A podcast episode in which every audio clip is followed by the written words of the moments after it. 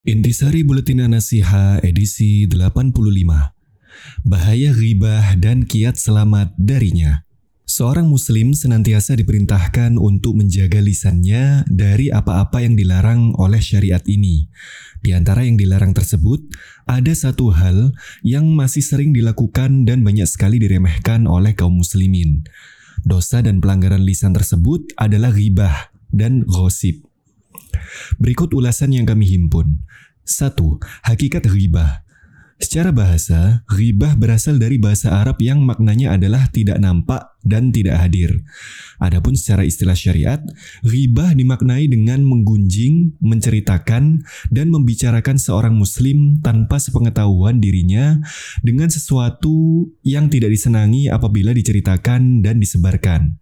Nabi Shallallahu Alaihi Wasallam bersabda, jika memang apa yang engkau ceritakan tersebut ada pada dirinya, itulah yang dinamakan ghibah. Namun jika tidak, berarti engkau telah berdusta atas namanya. Hadis riwayat Muslim. 2. Bahaya ghibah, gosip, dan fitnah. Bahaya ghibah ini terangkum pada hal-hal berikut. Satu, ghibah berkaitan dengan hak manusia, sedangkan hak manusia maka dibangun di atas keridoan dan kerelaan. Dua, ghibah akan memakan pahala dan merugikan pelakunya. Tiga, ghibah dan menggunjing saudara semuslim lainnya ibarat memakan daging saudaranya yang sudah mati. Empat, ghibah merupakan salah satu sebab mendapatkan azab di alam kubur. Lima, ghibah merupakan sebab datangnya azab dan siksa di neraka.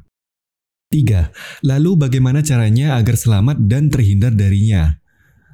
A. Bertakwa kepada Allah Ta'ala B. Senantiasa mengingat bahaya dan dampak buruk perbuatan ghibah kepada pelakunya.